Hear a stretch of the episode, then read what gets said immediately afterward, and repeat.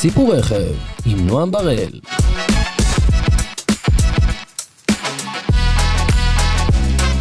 סיפור רכב, פרק 5, והיום נמצא איתי האיש מאחורי טורבו מגזין, אילן פייביש, אהלן, בוקר טוב. בוקר טוב, הוא מהנה לנהיגה. ככה אני מתחיל את הטיולים שלי ואת המפגשים. הכי טוב. אז בוא תספר קצת על עצמך. אני אילן פייביש, אה, בן 53, אבא לשניים, הם במילואים כמובן במלחמה. אה, אני גר בתל אביב, אוהב מכוניות אה, מאז שאני נולדתי. זהו, מאיפה, מאיפה הזיקה? מאיפה זה מתחיל? לא יודע, זה או שאתה נולד עם זה, או שאתה חייב ל... שיהיה לך את זה בדם. כן. תספר קצת אה, מה אתה עושה ביום-יום. אני עוסק ברכבים, אני גם חבר אגודת עיתונאים תל אביב, מן המניין, ויש לי את אה, טורבו מגזין, זה גם אתר, גם בפייסבוק, באינסטגרם והכול, אנחנו אה, מתעסקים במכוניות מיוחדות, רק אה, מכוניות קצה, אה, מכוניות על, ועושה כתבות עליהן, אה, כמובן אה, מייעץ למכירה וכל מה שכלול בזה, כל מה שקשור בעולם הרכב. אתה גם עובד עם יבואנים. ודאי, עובד עם יבואני הרכב, גם עם יבואנים מקבילים, עם כל מה... מכוניות אה, קצה, כמו שאני אומר. משיג להם רכבים, מוכר רכבים שלהם, אה, אם צריך, אה, ללקוחות שלי, מייעץ ללקוחות שלי ולחברי מועדון טורבו. אז טורבו מגזין זה העיסוק הראשי שלך בעצם. כן. מתי הקמת את טורבו? בשנת אה, 95, 95, תכף אה, 30 שנה. כן. ולאיזו מטרה? מה, מה ציפית אה, שיהיה מזה? אנחנו אוהבים מכוניות, אה, אז לא היה גם וואטסאפ, לא היה אינטרנט, בקושי היה אינטרנט, אה, פייסבוק וכל זה, לא, לא, כל מה שהמדיה שקיימת היום לא הייתה.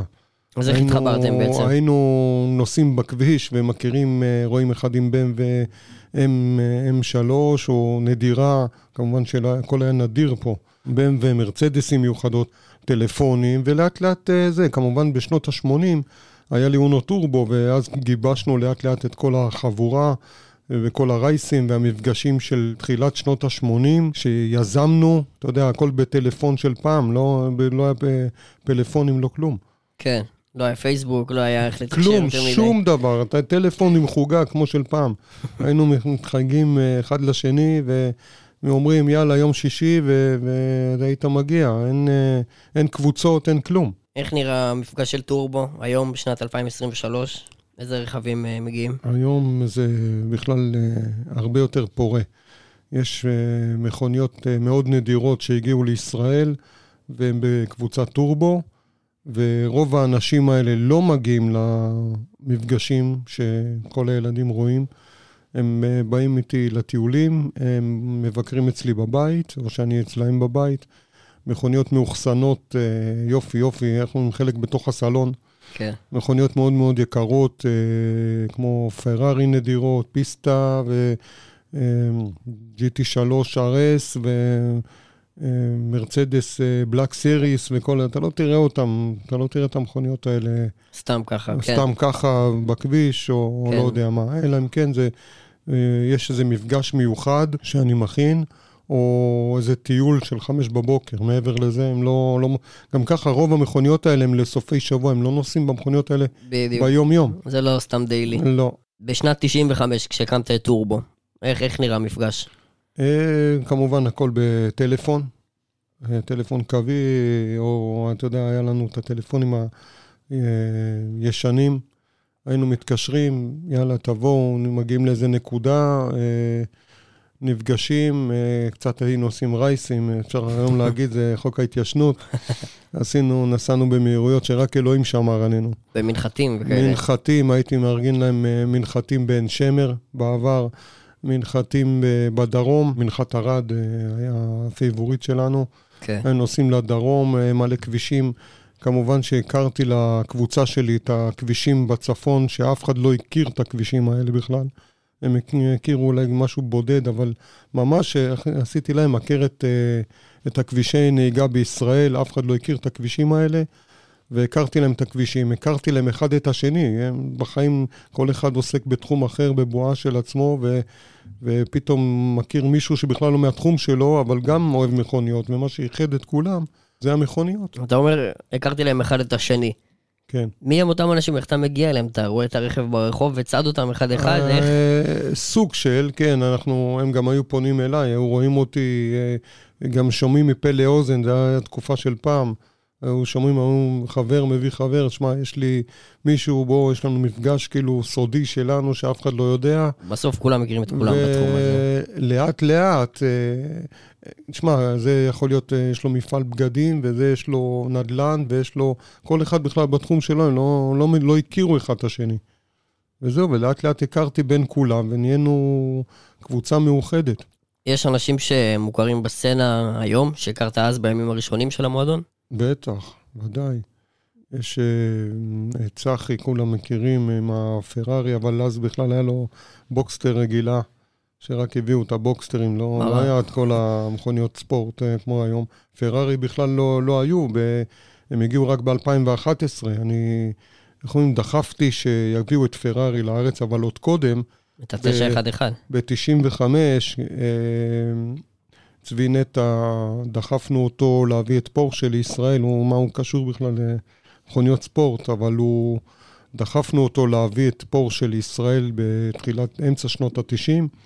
ב-96 שהתחילו להגיע מכוניות אה, פורשה לישראל, 911, ולעניים, איך, בגרשיים, אה, את הפורשה בוקסטר. בוקסטר, מאוחר יותר הקיימן. כן, בוקסטר יותר, אנשים היו מחוברים אל זה, גג נפתח. כן. והתחילו להביא מכוניות, ורק ליחידי סגולה היה פורשה, כי זה היה מאוד מאוד יקר. וה-R8, כשבאנו לאאודי, אמרנו להם, תביאו R8. כן. בהתחלה, בהתחלה. וה-R8 הראשונה, הכסופה, הייתה אצלנו בטיול. ואז ראו בכלל מה זה R8. הדור הראשון. הדור הראשון הראשון. כן. ועד היום היא קיימת, יש לי חבר יד ראשונה ידנית. בודדות ידניות. ולא רואים אותה באף מקום, וידנית יחידה בארץ, נראה לי. לא, יש עוד. יש עוד אולי בודדות. אז בוא אני אחדד לך. R8 V8 יש בארץ שלוש ידניות. אחת באמת כסופה, ושתיים אפורות, ואחת מהאפורות היום עם ציפוי צהוב. אבל כן. הראשונה, הראשונה ever שהגיעה ידנית, כסופה, עומדת באיזה חניון, איך אומרים, היא לא למכירה. הוא הראשון איתה? הוא הראשון בארץ, ever. מה אתה אומר? הידנית כסופה. וסביבות 2011, פרארי ומזרטי מגיעים לישראל? פרארי ומזרטי מושקים רשמית בישראל בשנת 2011. מכוניות רגילות עלו אז בקושי 100 אלף, אני מדבר איתך 80 אלף, 60 אלף, זה היה שוס אמיתי, אמרו מי יקנה, מי יקנה מיליון 700 אלף שקל. לפני תוספות. לפני תוספות, וכל אחד בנה את האוטו לעצמו, והם היו במגדל ברמת גן שם, והכניסו את האוטו בליפט למעלה, וזה היה סיפור. באולם היחסית חדש של פרארי בהרצליה, יש מקום לשני רכבים בלבד, לעומת האולם הקודם שהיה לפני בערך עשור, כשהם רק הגיעו לארץ, והיו שם בערך 15 רכבים, ופרארי ומוזרטי, וזה היה פשוט מטורף. מהחניון למטה של כמה מכוניות, וכל אחד שקיבל את האוטו, זה היה, עשו לו מופע. כן. ו- וזהו, וחלק קיבלו את המכוניות, ב-2011, 2012, פתאום, אתה יודע, 4, 5, 8 זה היה וואו, היית רואה פרארי על הכביש, זה היה משהו מהחלל. כן. אבל כל רכב, כמו שהיה אז בראשיתי, משנות ה-80 וזה, זה, כל רכב היה משהו מיוחד, היה שוס. כי לא היה, גם לא היה את הידע והמידע כמו שיש היום זורם לך בהמוניו, ואז לא היה, הכל היה משהו מיוחד. אני חייב להגיד לך שאני זוכר באופן אישי את המפגשים של טורבו במרינה בהרצליה, 2014. כן. הייתי אז בן 14, זה לא מנע ממני לתפוס את האופניים כל יום שישי ולנסוע מתל אביב להרצליה, ולצאת בחיוך כן. בעננים כאילו, הבאת שם רכבים, את ה top של ה top, זה היה כן. 2014, והיו שם כמויות של פרארי, ומרצדס SLS, ו-GT3, את הלמבורגיני קונטאש שהייתה אז היחידה נכון. בארץ, נכון. עכשיו היא עשתה רילוקיישן. נכון, נכון. אמרתי, למה יש לנו מרינה יפה בהרצליה, כולם באים שם לאכול, בואו נעשה שם. אז uh, פניתי לדובר עירייה, הרצליה, והופנה אותי לראש העיר. סיפרתי את זה לראש העיר, הוא אמר, וואלה, נתת רעיון. אה, זה קצת ביר- בירוקרטיה, והוא נתן לנו אישור. הוא בא פעם ראשונה לראות את הרכבים, נתן לי מישהו שיפתח לי את השערים שם. זהו, נ- נגיד שזה לא מפגש רגיל בחניון. לא, לא, לא, לא, לא. זה ממש עם אישורי עירייה, ובא במשטח של המרינה. המשטח של המרינה, זה שטח של העירייה, ו... ושטח גם של המועצה, כאילו, חברים של מרינה הרצליה, זה לא... ככה ליד זה- הסירות. ליד הסירות שלהם, ליד זה, כן, זה קצת לא טריוויאלי. זה משהו שלא לא כל כך ראינו לפני. לא, בארץ. לא עושים את זה, לא עושים דבר כזה, והגענו לשם, אל תשכח, גם אנשים גרים על המרינה. כן. ובצהריים, אה, אה, שעות צהריים, ואנחנו מגיעים לשם עם המנועים הרועמים שלנו, עם כל הפרארי והפורשים והמרצדסים עם ה-AMG, ויש שם צלילים שמימיים. והגענו לשם, החנינו את המכוניות. במפגש הראשון אנשים נשארו עם לסת אה, שמוטה, פתאום רואים פסלים מוטוריים עומדים שם, וזה היה עם המרינה, וזה אווירה של מונקו עשינו. ועשינו שם מפגשים ואירועים, והיה שם מטורף. זה נמשך תקופה גם. זה נמשך תקופה ארוכה, עד שהאנשים שגרים שם במרינה, לא, איך אומרים, פתחו עיניים, לא אה, כאב להם, כאילו אולי גירד להם, אומרים, תראה, הם באים להתפאר, ובכלל האנשים האלה אין להם קשר בכלל לעשות סוג של דאווינים. הם אוהבים מכוניות, אוהבים לנהוג. ושמנו שם את המכוניות, וכאב להם, גם הצלילים, הרעשים, הם אה, פנו לראש העיר, ואיך אומרים, הוא הרים אמברקס.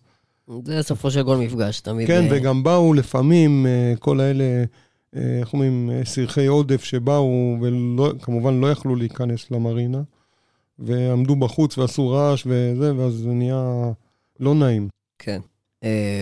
אני עברתי קצת על הפייסבוק של טורבו, וזה, באתי קצת מוכן. אני יודע כן. שבאחד הטיולים שלך, לא סגור על השנה, אולי זה 2013-2014, הגיע ל... לאחד הטיולים שלך, הפורשה, אפשר להגיד, הכי נדירה בישראל, GT3 RS 997.2, היחידה בארץ יחידה לבנה. בארץ, אחת מתוך 600 בעולם. כן, אה, הוא עד היום כועס עליי שהוא הוציא את האוטו לנהוג, הוא האוטו הזה עם קילומטרים בודדים. ואם להיות קצת חנון, אני יכול להגיד שהישראלית זה מספר 044, ממש מהראשונות שיוצאו. אה, בעצם הפורשה הראשונה שהשתמשו במנוע 4 ליטר, אז באותה פעם תקופה, ראשונה ever. הפיק 500 כוח סוס, והאוטו עד היום אה, פסל. פסל, ומי שרוצה, כמובן הוא מוכר אותו, אבל במחיר של 3 מיליון שקל. כי כן. בחו"ל הוא, הוא הגיע למחירים אה, מאות מטורפים. אלפי יורו. מאות, כן, אז כן. אה, הבאתי אותו, הוא נסע קצת, והוא אומר, יאללה, הוצאתי את האוטו, גירד לו כל הגוף שהוא הוציא את האוטו לנהיגה. איפה זה היה? בצפון? נסענו פעם אחת לצפון, ופעם אחת לירושלים, ובאמצע ירושלים הוא עשה לי פרסה, חזר, הוא אומר לי, אני יותר מדי קילומטראז' על האוטו, אני לא נוסע עם. האוטו. מה זה הנסיעות הכי ארוכות שלו? הכי ארוכות שלו, הוא לא, ולצפון היה בכלל הכי ארוכה שלו. מה אתה אומר? הוא לא, הוא לא נוסע על האוטו, נדיר. דמיינת שלטורבו יהיו רכבים כאלה במועדון, ושנגיע לרמה כזאת בארץ? לזה כיוונו, אה, רצנו, הלכתי ליבואני הרכב, נגיד ל- לפרארי, למי שהביא את פרארי, זה היה זוהר אלון אז? זוהר אלון, דיברנו עם זוהר אלון, אה, הוא כאילו התחיל את הזה, אז הבנתי שהוא מביא, ואמרתי לו, תקדם את זה כמה שיותר מהר, תתקתק את זה, תראה מה קורה בפורשה. אנשים קונים, אנשים יש להם כסף. דיברנו קצת עכשיו על היבואנים. ביקשת שנדבר גם על טסלה. כן. בתור עיתונאי, חבר אגודת עיתונאים תל אביב, אנחנו מקבלים מידע. עכשיו, אני מקבל מ- אה, הודעה לעיתונות אה, מראש, מטסלה עולמי, שטסלה צריכה להגיע לישראל. אני מתחיל לחקור מי, מי, מי, מה, אף אחד לא יודע. אף אחד לא, לא היה שם בכלל מידע, איפה, מי מביא, לא היה בכלל מוסך, לא היה אולם, לא היה כלום. עד היום בעצם אין אולם. אין כלום, שום דבר. אתה יש- מזמין באינטרנט, יש לא? סוג, כן, הכל. הכל באפליקציה. הכל באפליקציה, אין הנחות, אין כלום, זה כמו להזמין פיצה. ממש. אני רוצה את התוספות האלה, אני רוצה לבן בפנים, שחור בפנים, ג'אנטים כאלה, זהו. כן. עושה enter וקיבלת את האוטו. גם אתה לא יודע לאן להעביר את הכסף, אתה מפחד, אולי זה עקיצה. אני, אומרים לי, שמע, אתה צריך להעביר 252 אלף שקל, אין בעיה, הכסף זה לא הבעיה. הבעיה לאן? נותנים לך אייבן כזה של, של טסלה, אתה אומר, וואי, אולי עוקצים אותי. כן. הולכים לכסף, גמרנו, אתה לא יודע למי אתה מעביר. ומקבל אישור שאתה מקבל את האוטו, אני אומר להם, וואו, לי, במרץ אני מקבל את האוטו, תגיע בכלל לנמל לקחת אותו. אז לא היה דבר כזה, היית בא לסוכנות, לוקח מכוניות, אין, שום דבר. אפילו את האוהלים לא היה, כלום לא היה. תחתום פה ו- וככה אוטו. וחיכיתי שם, ומגיע האוטו, זו ההתרגשות, אף אחד לא יודע בכלל בארץ מה זה טסלה. במקרה הייתי איתך שם. נכון, במקרה נכון, ממש. פגשתי אותך שם. הייתי עם בחור שגם הוציא טסלה, ממש אה, כן. בהתחלה. כן, כל הראשונים שקיבלו, אף אחד לא ידעו בכלל מה זה. אבל מה, 3.3 שניות ל-100, 3.3 שניות ל-100, מה זה? 261 קמ"ש. זה 3 ל-100 זה נתון של פרארי 458. נכון, אז כל החבר'ה שלי עם הפרארי לקחו אחורה, אתה יודע, עם הפורשים, עם הזה, אמרו, הופה, משהו פה בשקל וחצי, כאילו 252 אלף שקל זה הרבה כסף, אבל. יחסית למכוניות האלה זה לא היה הרבה כסף. כן. הם נבהלו, עשיתי להם אחרי זה סיבוב, הם אמרו, וואו, מה זה, כאילו, הם הבינו שהעולם השתנה לגמרי. בוא נעזוב שנייה את הטסלה. תקופות במדינה כמו מבצעים ומלחמות והקורונה גרמו לאנשים קצת להתעורר ולהגיד בואנה לא חיים פה להרבה זמן, כן, בוא ננצל אנשים- את זה. אנשים בקורונה, הם אמרו, במקום שאני אתבאס על המלחמה, על כל הקורונה, סליחה, שיש, אמר, וואלה, אני אקנה לי איזה משהו, אפנק את עצמי. כאילו, לשפר לא? את עצמי. אז אה, הם הלכו, קנו רכבים אה, מטורפים. היבואנים, אה, איך אומרים, הרימו, פתחו עיניים, דרבנתי אותם להביא כלים, אמרתי להם, תשמעו, אנשים, אפילו שאומרים, יאללה, אני לא אקנה, לא, לא מתאים לי וזה. אתה יודע שאני מביא אותם למפגשים, מי שיש לו כסף והוא לא מעניין אותו, הוא יכול לקנות איזה אוטו שהוא רוצה. כן. ואני עושה להם סיבוב פתאום באוטו, או בפ- בפרארי וזה. הוא אומר, וואו, איזה ריגוש, איזה בן אדם. אמרתי לו, אתה עובד קשה, מנהלים, אה, הכל עליך, כל המפעל עליך, דירקטוריון עליך, הכל הזה. אין לך משהו לעצמך. אתה כל הזמן, המשפחה, הילדים, העובדים, העסקים, תעשה מה שתיכנס, תפתח, רד לחנייה, תראה את האוטו, יאללה, יעשה לך כבר כיף. יום בשבוע שיעשה יום לך... בשבוע שיהיה לך רק לעצמך, ונפתח להם הראש, אתה יודע, אנשים לא נוהגים, לא בקטע של נהיגה, בקטע של וואלה, אני איך לעשות סיבוב עם האוטו, אז אה, זה עושה להם טוב. אתה מבין? זה- למרות שהאישה צועקת, הנשים שלהם לפעמים רואות אותי, אומרות, עוד פעם זה יבוא, ייקח מבעלי איזה שלוש מיליון שקל. מקללות אותך. כן, אז אני אומר להם, כן, אבל כמה עולה היהלומים שלכם? כמה עולה כל היהלומים שאתם קונים, שעונים, אה, עגילים, שרשראות, תאמין לי שפעם ב- הוא קונה אותו, פעם בשנה, פעם בשנתיים הוא קונה איזה משהו יקר, אז הן פותחות עליו עיניים. מכוניות זה תכשיט לכל דבר, תסכים איתי. זה- שמע, יש לי חלק מהחבר'ה, ליד הספה בסלון, בסלון, כאילו החניון בתוך הסלון. הפרארי חונה בתוך הסלון. הוא יושב ככה בספה, הפרארי לידו בצד שמאל וממול הטלוויזיה. יותר יפה מהטלוויזיה, יותר הוא מעניין. נהנה, הוא נהנה. יש כאלה בכלל בחו"ל, אני ראיתי, תלו אותם אוטו על הקיר. כן. תלו מכוניות כמו על הקיר. ב- בלמבורגיני שם. כן, כמו בלמבורגיני, הם תלו אותה, הם למדו, אה, לקחתי אותם, אנחנו עושים גם טיולים בחו"ל. אני, אף אחד לא יודע מה זה טיולים בחו"ל, 2008, 7, 8 הייתי נוסע, עושה טיולי נהיגה בחו"ל, כל מה שאני אני עשיתי, אנשים לקחו ושכללו את זה. הטיולי נהיגה שלי, אה, פעם ראשונה, מי שמכיר את ליאון, נגיד, אה, הוא היה ילד, ליאון בא... היה פה, חבר ליאון. נכון, חבר טוב, והוא הוא בא, הוא ראה את הטיולים, אמר וואו, ראה את זה. אה, אה, אברט, פעם ראשונה הביאו ב-2010. לישראל. אברט יצא בעולם ב-2007.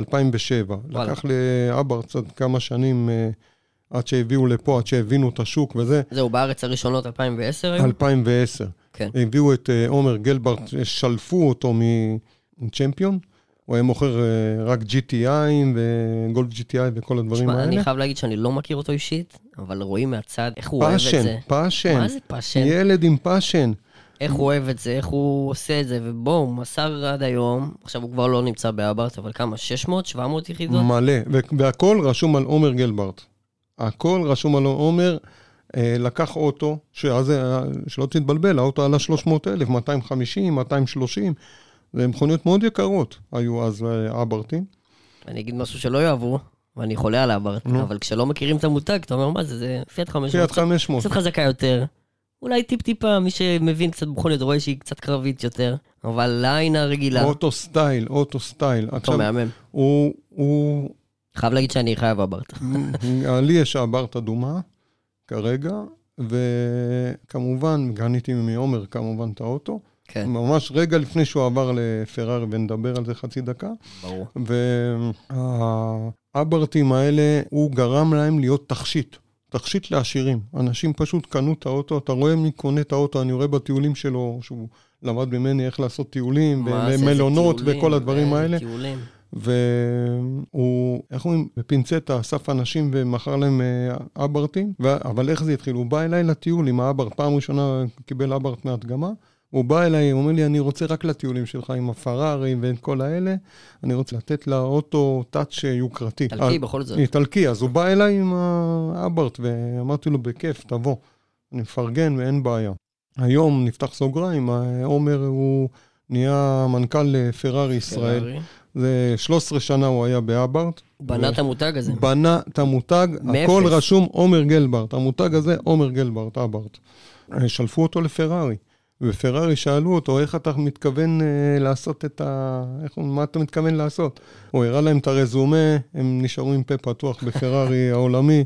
הם הבינו עם מי יש להם עסק, ואיך אומרים, חיבקו אותו אליהם. אני יודע שיש uh, בעלי פרארי שחלקם נוהגים בדיילי על אברט. נכון, לפעמים אני אומר, uh, אברט זה כאילו, מי שקונה פרארי מקבל אברט מתנה. סוג של כזה. אני מת לראות את הטיולים שגלברט יעשה שם בפרארי. יש מועדון של פרארי שבין הראשונים שקנה פרארי, פעם ראשונה שהוא הביא את ה-458 איטליה אדומה, כן. נסעתי אליו, לדלית אל כרמל, וראיתי את האוטו. ממש אותו... מהראשונות ראשונות. מהראשונות ראשונות, הוא קנה גם עם שריקי קנה. ו... נכון. ונסעתי אליו, התפעמתי מהאוטו וגם מהבן אדם, בן אדם מדהים. בטח. והוא התחיל לבוא אלינו לטיולים, והיה מדהים. הוא לקח על עצמו ועשה מועדון פרארי, כאילו, זה חיצוני, לא קשור, זה היה פרארי, אבל... אה, כן.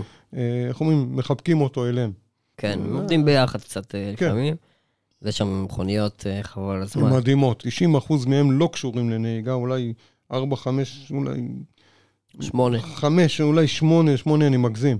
אנשים שבאמת נוהגים. כל היתר קנו את האוטו, איך אומרים? פנסי. כן, אני מכיר את הטיולים שלהם, הם לא באים להרביץ עכשיו. אה, לא, באים לבית אורן, הם באים לנסרים לפעמים, הם באים לטיולים בדרום. אבל הם לא משתגעים. אבל הם נוסעים בדרך לעקב. בדרך הם נוסעים לאיזה... להניח את הרכבים, להסתכל עליהם, בסופו של דבר זה פסל. כן, תשמע, לראות המכוניות האלה מדהימות. אבל יש תמיד את הוויכוחים כמו אצלי בקבוצה, פורשה או פרארי, פורשה או פרארי, פורשה יותר טוב, פרארי יותר טוב, זה, זה לנהיגה, זה להסתכל עליו, אבל אה, אי אפשר להתווכח עם, איך אומרים, אני למדתי משפט שאומר ככה, כסף לא משקר. פרארי הרבה הרבה יותר יקרה, היא יקרה במיליון שקל, תמיד אקסטרה מיליון שקל, וגם בחו"ל. המכוניות האלה הרבה יותר יקרות מפורשה, פורשה רק בגמים נדירים, כמו ה-GT3 RS, כן. שעולה 2.5 מיליון שקל, אז היא מגיעה לפרארי 296. אבל הפגמים האחרים הם מיליון וחצי, מיליון שלוש מאות, מיליון, כאילו, כן. אני לא כן. מזלזל בכסף הזה, כן? אבל הפרארי הרבה יותר יקרות. וגם אה, אפשר לשים לב לכמויות. GT3 RS, נגיד ה-992, הדור הנוכחי, אין, אין. שלוש, שלוש אין, בארץ. שלוש בארץ. יש את האוטו על אה, גרסת השקה הלבן עם הג'אנטים האדומים. כולם חברי מועדון. יש אחת פנימה, אחת לבנה. אחת... אה, והצהובה. לבנה, היא לא וייסח. נכון. הצהובה היא וייסח. ובעצם מה שכולל את חבילת הווייסח זה המון המון המון קרבון, אם זה המכסה מנוע קרבון, מקדימה קרבון, מאחורה קרבון, דלתות מקרבון, אפילו הכלוב התהפכות מקרבון. במקום ידיות יש מעין רצועות כאלה שמושכים, פשוט עשו הכל כדי לחסוך במשקל. והתענוג הזה עולה קצת יותר מ-30 אלף דולר. לא, אבל הדגם הכי הכי מטורף זה כמובן ה-GT3 אה, RS, הגרסת אה, השקה, וייסח, שהיא של חבר שלי, אנחנו קוראים לו אלוף סדום ארד. אה, אי אפשר לעבור אותו בסדום ארד. זה בן אדם גם בירידה, גם בעלייה, מספר אחד. תקן אותי אם אני טועה, יש לו שתיים. כן, יש לו את ה-991.2, GT3 RS, כן. ויש לו את ה-GT3 RS. 992 החדשה, ועל שתיהם הוא נוהג אה, בצורה מופלאה. לא מבייש את המותג. לא, לא. זה בן אדם שקנה אוטו ונהנה מהאוטו. נהנה מהנהיגה, יש כאלה קונים אוטו, מסתכלים עליו פסל, נוסעים עליו לאיזה מקום, יקב, באים אליו יום שישי, עושים... לא, הוא נוהג.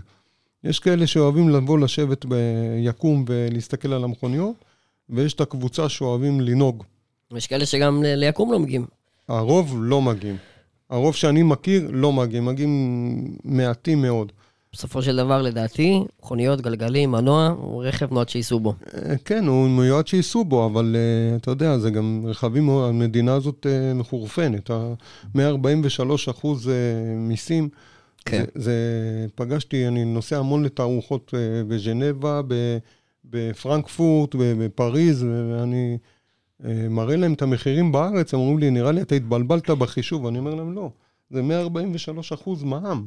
כן. זה כאילו האוטו עולה שם 800, פה מיליון 600. אמרו לי, מה זה, זה, זה, זה מחירים אלה. אז אתה באמת עיתונאי בתחום הרכב בארץ, זה ידוע, אבל באמת, כמו שאמרת, זה לא נגמר בגבולות המדינה. אתה יוצא לתערוכות והשקות מיוחדות. כן. תספר לי על איזה אירוע שאתה זוכר, אירוע, איזה השקה, אולי אם היית באיזושהי השקה של רכב שהיום נחשב אייקוני? יש את ה-918. וואו. הפורשה 918 שהושקע, אה, הייתה וואו, זה משהו מטורף. ואנשים ראו את, סתם דוגמה, בטלוויזיה, פתאום רואים אותי, מ- מטלוויזיות זרות, ופתאום רואים אותי עובר, נכנס לאוטו, יושב, מה הוא עושה שם? כאילו, פייביש בתערוכה וזה, ורואים אותי ב-918, שזה היה אוטו וואו, היה שוס אז. הייתי נשבר מצחוק אם הייתי רואה אותך שם. כן, מטורף, אבל אני, ואני נפגש כמובן עם אה, נשיאי החברות, אה, מנכ"ל אה, למבורגיני היום ובוגטי, שטפן וילקלמן, קוניגזג, כריסטיאן פון קוניגזג, עם מנסורי. קורש מנסורי, עם כל האנשים האלה אני כמובן נפגש עם אה, אנשים הכי גדולים בתעשייה, אבל יותר מעניין זה להיפגש עם המהנדסים שלהם, עם מחלקת מחקר והפיתוח. כי שם אתה לומד דברים ש... כמו מאנדריאה, אנדריאה הוא האיש אה, של ה-GT בפורשה. ופשוט אתה נפעם. אתה יושב מולו ואתה אומר, וואו, איזה טכנולוגיה, איך לא צריך אה, מאות כוחות סוס מטורפים לרק אה, הריצה אחרי הכוחות סוס, מאשר אה, טכנו... הוא שם כנף ב-GT3 DRS פעם ראשונה. נכון. איזה אוטו כביש היה לו DRS בכלל. ה-DRS, רק נגיד, זו טכנולוגיה שפותחה בפורמולה 1, ובעצם בלחיצת כפתור, הכנף האחורית מתקפלת, וגורמת לפחות התנגדות אווירית, ובעצם לרכב להגיע למהירויות הרבה יותר גבוהות בישורת. אגב, בפורמולה אפשר להשתמש ב-DRS רק באזורי הפעלה ספציפיים, ורק כשהנהג נמצא במרחק של פחות משנייה מהנהג שלפניו. אתה קולט פורשה בכלל לא נכון. בפורמולה 1, והם נכון, שמו נכון. DRS מטורף, אבל שמע, הם ב- ב-GT3, בקאפ של ה-GT3, אז הם אה, יודעים את העבודה, והוא בנה אוטו מטורף, 530 כוח, 525, והוא עושה זמנים מטורפים. כן. מטורפים. תאר לי איזה רגע אחד בולט שאתה זוכר מתחום הרכב. אה, רגע, קשה לי. לאט לאט. זה קשה לי עם הרגע הזה. אה, מחלקה אונקולוגית בירושלים, בהדסה ירושלים, פנתה אליי אה, מטפלת בילד, ילד שקראו לו אייל. לצערנו הוא נפטר.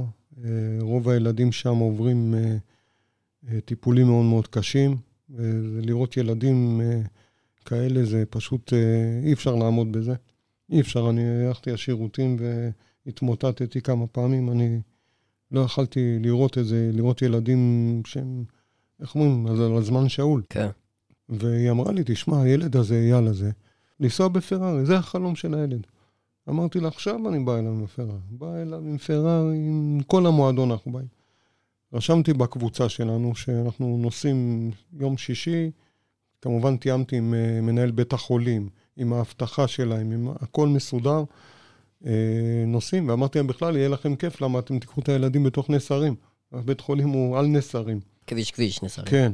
כל ההורים של הילדים, כל המשפחות שלהם הגיעו. הכינו לנו עוגות, הכינו לנו זה, סידרו לנו אירוח מטורף. האנשים הגיעו וראו את הילדים, הם, הם התלהבו מהמכוניות, מהפרארי ופורשה ואסטון מרטין ו, וכל המכוניות ספורט, מרצדס אה, AMG GTS, ואנשים עפו, הילדים עפו. בקיצור, אה, אה, אייל מאוד התרגש.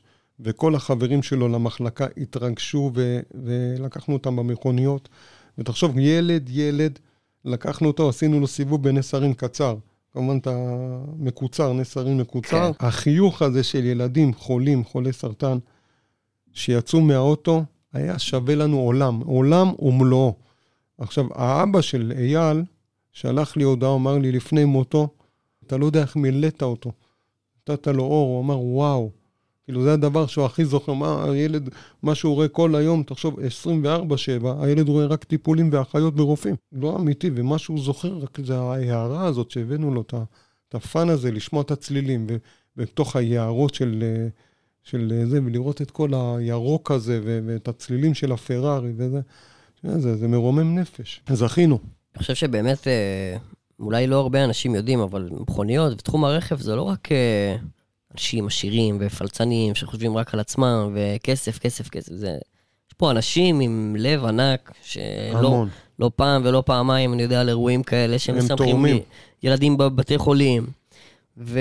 אני פעם ראשונה, אני אעצור אותך, כן. אני פעם ראשונה, התחילה מלחמה, חבר שלנו גר בבארי.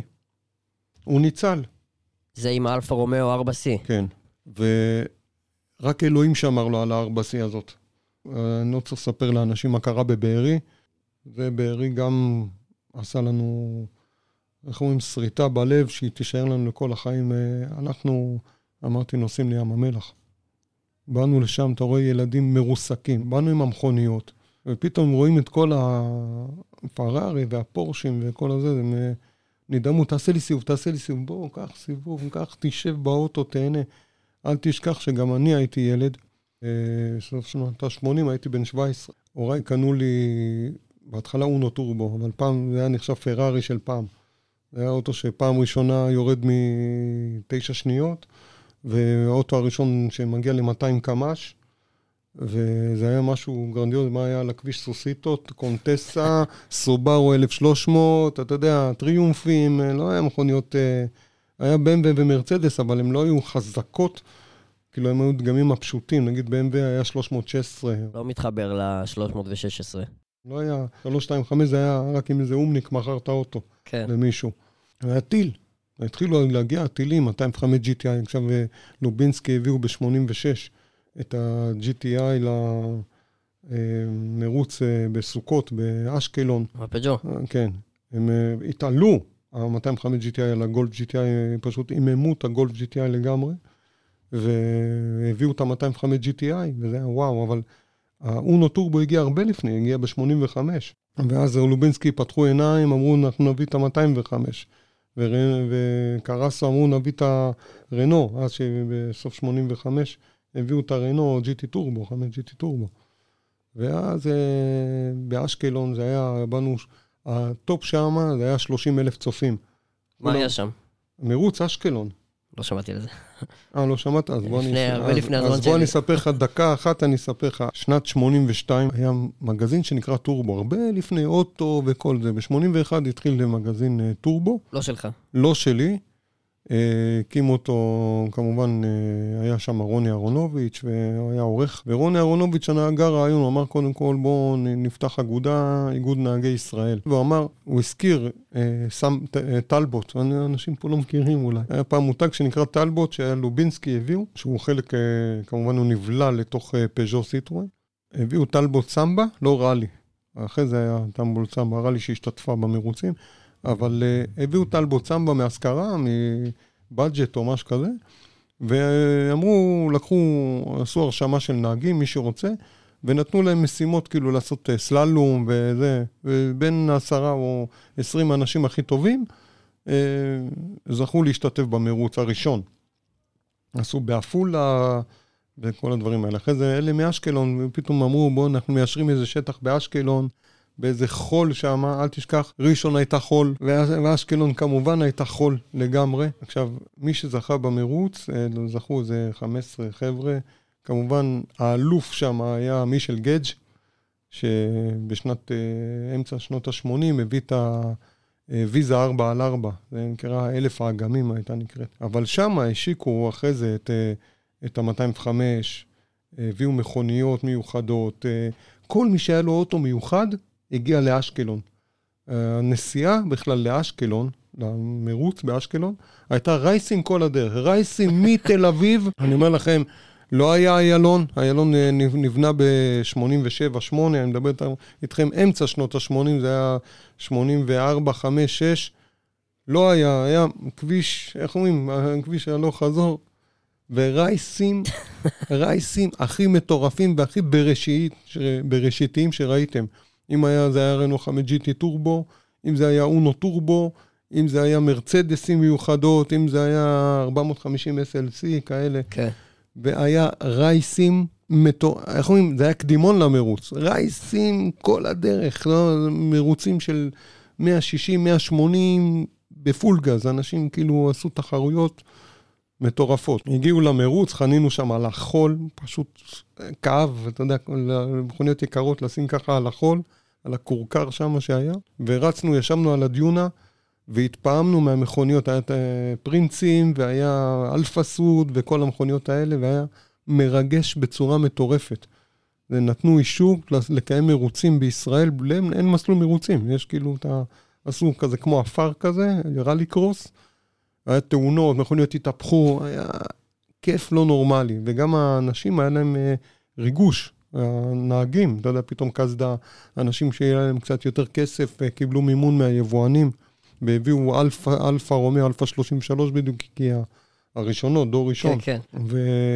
וגולף, אה, צ'מפיון ראו, ראו כי טוב, הלכו, הביאו גולף GTI, אפילו רם לנדס, שמוכר מהטלוויזיה, הוא הביא גולף GTI, גם התהפך איתה. ורוני סמדרסמן עם האדומה, והיה שם רייסים, אבל הכי קטע, וחזרה, עוד פעם, רייסים חזרה לתל אביב, זה, זה היה מה ש... וכל מי שהיה לו מכונית ספורט מיוחדת, אלפא ספרינט, כל האלה, כולם, היה לנו... שם גם התחלתי להכיר, לקחתי טלפונים. שם לקחנו טלפונים, וכל החבר'ה מהמפגשים, זה היה גם עוד צעד של המפגשים. כן. מטורף. זה רק מטורף. שנים, שנים אחר כך, שנים על גבי שנים, רק אה, נוצרו מסלולים כן. בארץ. לא, היה את המסלול של כוכב יאיר. כן. ש... איך אומרים, זה היה... מסלול גם... קארטינג שעלו עליו מכוניות. מסלול קארטינג שעשו ממנו רכבים, אבל אה, זה, ואחרי זה היה עוד uh, מסלול... Uh, בית שאן? לא, היה בית שאן, גם ניסו, גם מסלול של קארטינגים וגם ניסו, אבל היה עוד מסלול, שכחתי איך קוראים למסלול הזה, גם עשו שם קארטינגים וגם uh, מרוצים, אבל הכל היה ב, על חוט השערה, על קרי תרנגולת, לא היה ממש מסלול מסודר לרכבים, ואז uh, מיקי יוחאי, התותח, כן. uh, נלחם בכל המדינה הזאתי. תלך, תגיד, אני רוצה להפשיר את הקרקע, לבנות מסלול מרוצים, אמרנו, תגיד, אתה קוקו? בונים, אם מפשירים, זה הם בונים בניינים, לא בונים אה, מסלול. בשבילם לבנות כביש, כאילו זה, אם צריך משהו בקומבינה, ב, ב, צריך לעשות כביש שיגיע לאיזה מקום. הוא אומר לו, לא, אני צריך לעשות מסלול מרוצים. זה היה להילחם נגד כל התחנות רוח של המדינה הזאת, שהמדינה הזאת, איך אומרים, במקום שאין תרבות, זה המשפט שלי, שבמקום שאין תרבות, אין תרבות מוטורית. אין פה תרבות, חוקים פה הם uh, מטורפים. והוא הצליח לעשות מסלול, ובהשקה של המסלול הבאתי את כל המכוניות על. כל הפרארי והפורשה. אתה מדבר על? פצאל. כן. מסלול בפצאל בכלל בבקעה. כן. אז זה לנסוע לבקעה, לעבור את כל הבקעה ו- ולהגיע לשם. בעצם ו... פצאל זה היה המסלול החוקי הראשון בארץ? החוקי, פצאל, מסלול החוקי הראשון בישראל, שכמובן כיום הוא השתדרג. הוא נהיה יותר, אה, שיפצו יותר, אותו, יותר אותו. טקטי, כן. והגדילו אותו, ועכשיו עוד יותר מגדילים אותו עם חניון גדול, עם, uh, עושים שם, יש, הוא מכין לנו, איך אומרים, הפתעה יפה מאוד, uh, מיקי יוחאי, ומאוחר יותר ראו כי טוב, אז uh, הפשירו אה, קרקעות בדרום, שזה אה, להילחם, אה, אני לא יודע אם איזה קהל שומע אותנו, אבל כאילו יש הרבה בדואים שהם לא אהבו את זה. הם אמרו, וואלה, אולי יבנו בתים, אבל לבנות שם מסלול. בערד. בערד, ואחרי זה עשו בבאר שבע, בשדה תימן. ושם בנו ממש מסלול יותר גדול יחסית.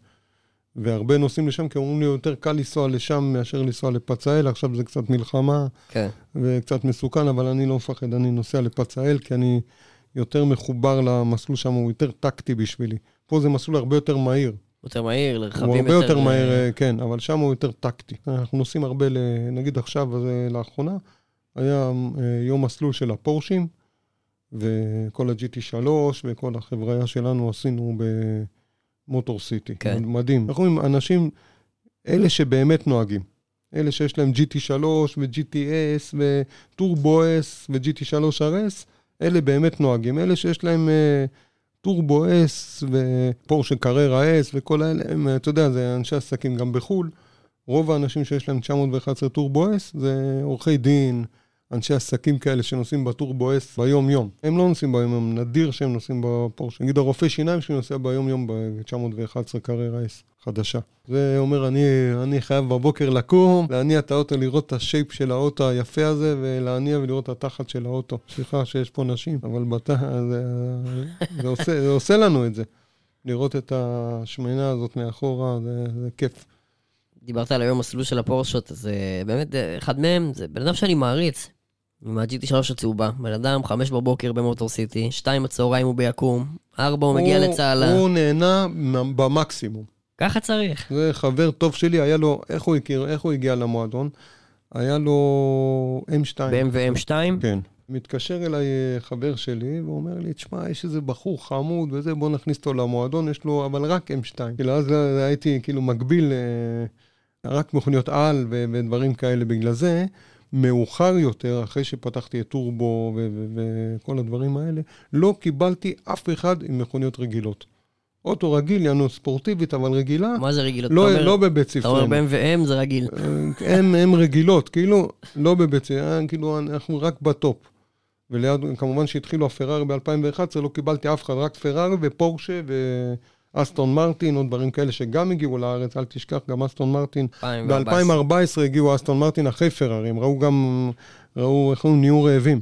כן. אמרו בואו נביא אסטון מרטין. כן. וכמובן, אה, יותר מאוחר, גם הביאו... אה, בנטלי. בנטלי. כן. הביאו בנטלי ואמרו מי יקנה, מי יקנה, קנו, קונים עד היום. אפילו עם המדינה שלנו שהיא בעליות ומורדות, מי שיש לו כסף, קונה בנטלי, זה מכוניות שבחו"ל הם לאדונים. כן. וגם רולס רויס, היחידה בארץ שאני עשיתי לה מבחן, היא עולה חמש וחצי מיליון שקל. הקולינן.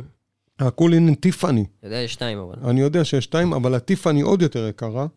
עם האינטריור הזה. זה לא רק אינטריור של טיפאני הכחול המיוחד הזה, אלא כל הצבע שלו הוא עם שביבי יהלומים. כל האוטו עם שבבי יהלומים, כל הצבע עם שבבי יהלומים, זה השחור עם שבבי יהלומים, ובפנים טיפאני. זה אוטו יקר בצורה, גם בחו"ל בצורה מטורפת, כי זה גרסת טיפאני עם היהלומים האלה, זה משהו מטורף. זה בעצם הרכב הכי יקר שנמכר בישראל. הכי יקר, חמש וחצי מיליון שקל, זה... תן את הקרדיט לבוואריאן מוטורס על זה. בוואריאן מוטורס הביאו אותו, ללקוח שלי, כן. רוברט, רוברט וזיו התחילו, גם uh, פגשתי אותם לראשונה, שעוד לא ידעו בכלל מה זה בוואריאן. היה להם כן. את הבם ו-M3 הצהובה. E36. E36. כן. הבאתי אותם, הם החליקו עם האוטו, עשו דריפטים. וזיו, זיכרונו לברכה, שמאוד מאוד קשה לי עם ה...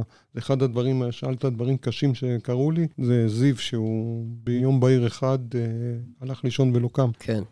זה אחד הדברים הקשים. ואם נחזור לרולס רויס, זה שקנה את הקולינן, הוא בן אדם מסורתי, הוא הולך לבית כנסת, הוא מתפלל עם הרב אבוחצירא בצפון.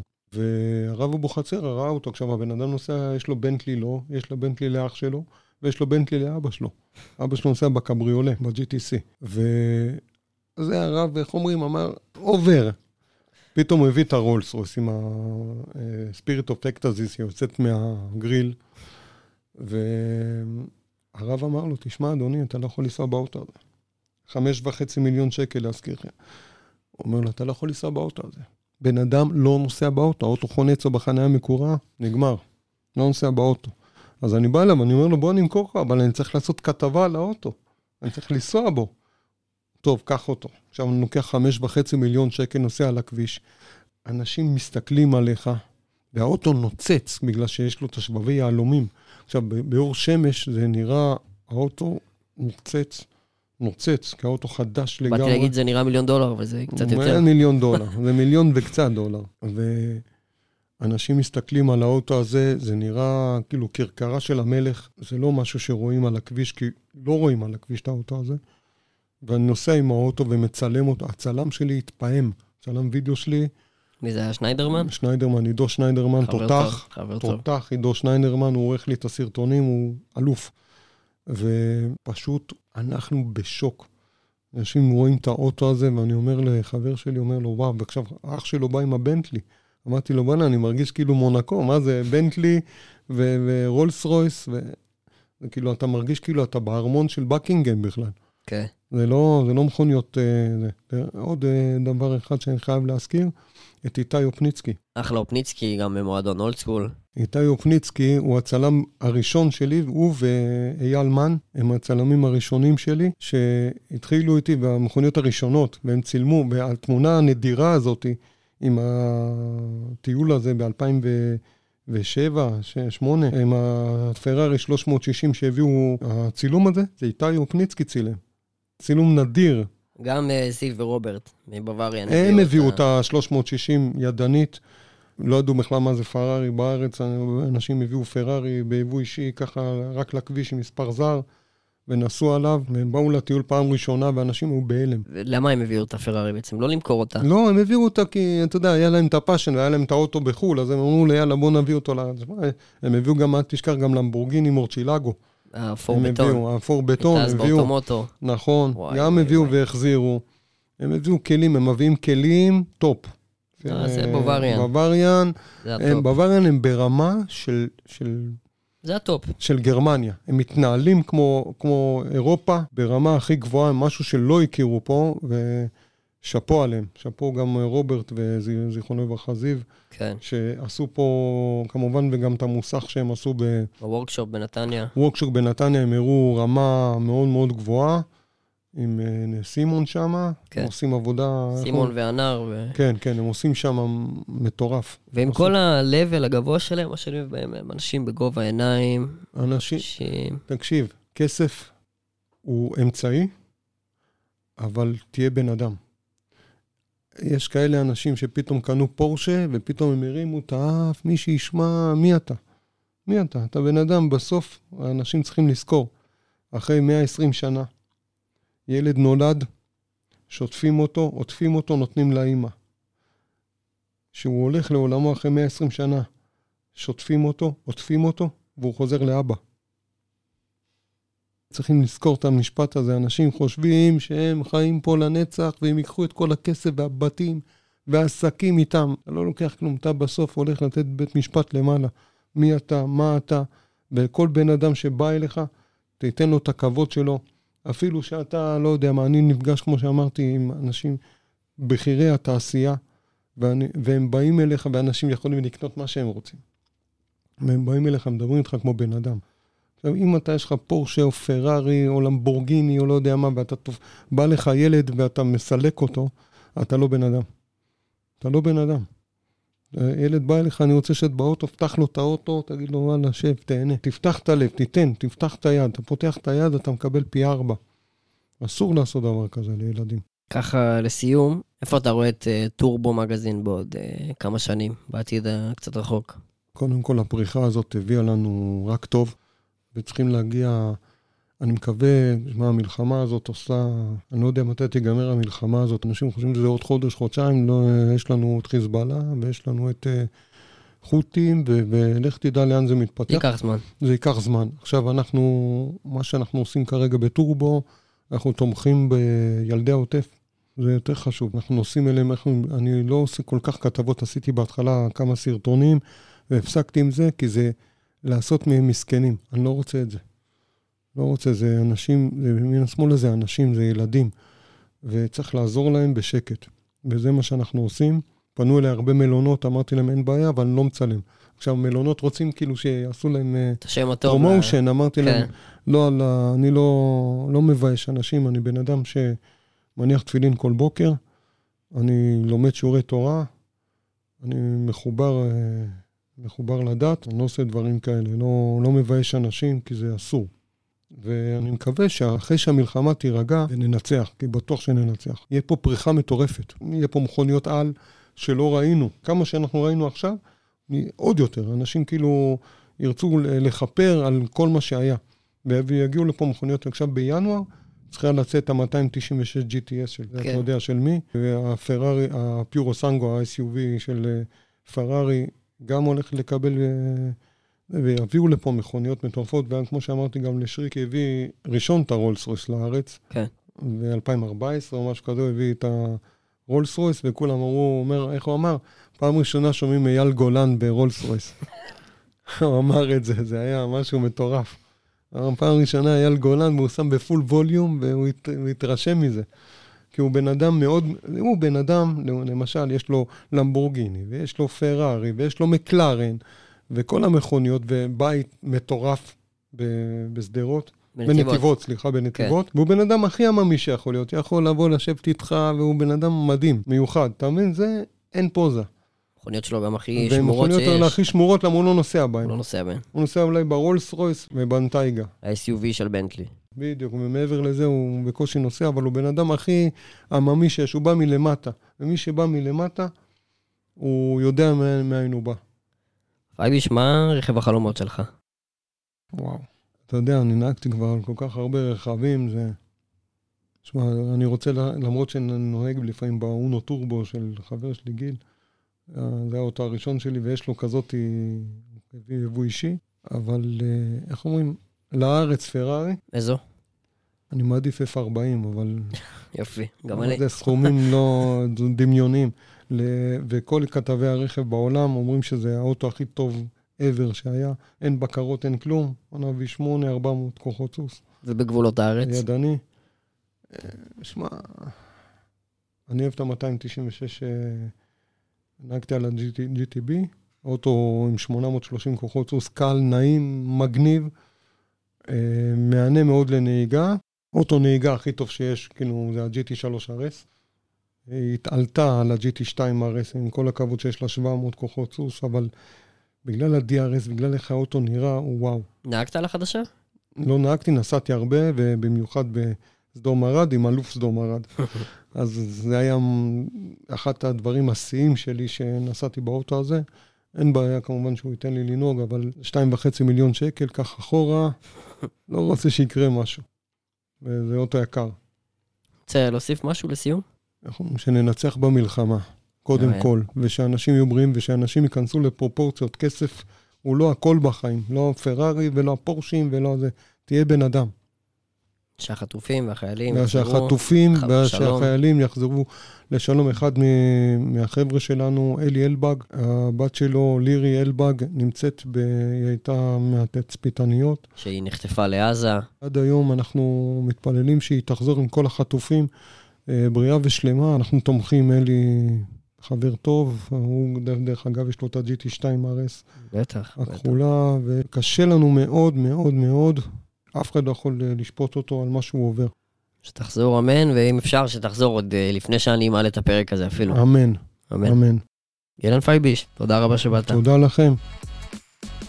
אז זהו, עוד פרק מגיע לסיומו, תודה רבה שהאזנתם. קישור לאינסטגרם של הפודקאסט נמצא בתיאור, וגם אה, קישור לאתר של טורבו מגזין. לפני שאנחנו מסיימים, אני רק אגיד שאנחנו מקליטים את הפרק בקוקפיט, בית פודקאסטים חברתי שמעסיק ומשקם מתמודדי נפש באמצעות העיסוק ברדיו ובפודקאסט. אנחנו נמצאים בטרמינל העיצוב בבת ים. אני נועם בריאל, תודה רבה שהאזנתם, מקווה שנהנתם.